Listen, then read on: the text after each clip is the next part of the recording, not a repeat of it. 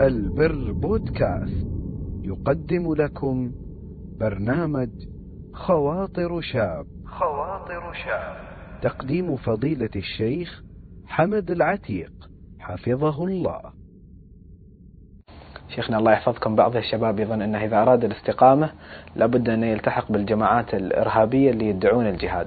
فهل هذا صحيح؟ وهل هذه هي طريقة الاستقامة؟ الشيطان في كل وقت وحين يحاول أنه ماذا؟ يضل الشاب. يضل أحيانا من جهة ماذا؟ من جهة الشهوات. يوقع في النظر الحرام السماع الحرام العلاقات المحرمة الفاحشة المحرمة. فإذا رأى من الشاب إقدام على الاستقامة ومحبة للاستقامة وحماس للاستقامة أراد أن يصد عن الدين الحقيقي لأن الشهوة المحرمة ليست من الدين الصحيح.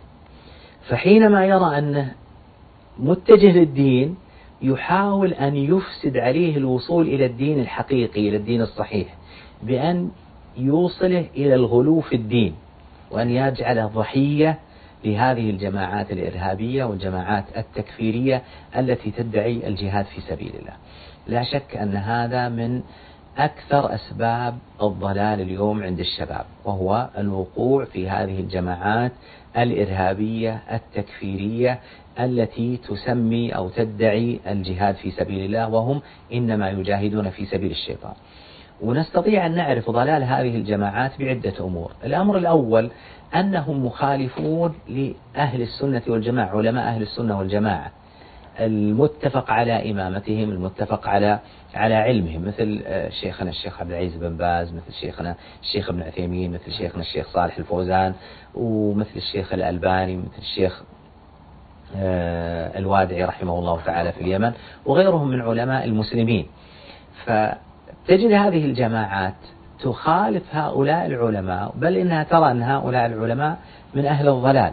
فهذا أول علامة يمكن أن تعرف بها الجماعات هذه الضالة أنها تخالف علماء أهل السنة والجماعة. العلامة الثانية أنهم يسلكون في طريقتهم تكفير الحكام والكلام في الحكام ولا يسلكون في ذلك طريقة النبي صلى الله عليه وسلم في تعليم الناس الدين في تحبيب الدين إلى الناس في الرحمة بالناس وإنما هم على عكس ذلك. لا يتكلمون إلا في تكفير الحكام والتحريض على الحكام إلى غير ذلك مما لم يأمر به الله ولا رسوله صلى الله عليه وسلم. العلامة التي تميز هؤلاء وأنهم على خطأ وعلى ضلال مبين أن هؤلاء أفسدوا الدين والدنيا. يعني لهم ما يقارب مئة سنة وهم يدعون الجهاد يدعون الجهاد. في كل مرة ماذا؟ يفشلون ويتسببون على الإسلام والمسلمين أكثر وأكثر. يروح زعيم ويأتي زعيم.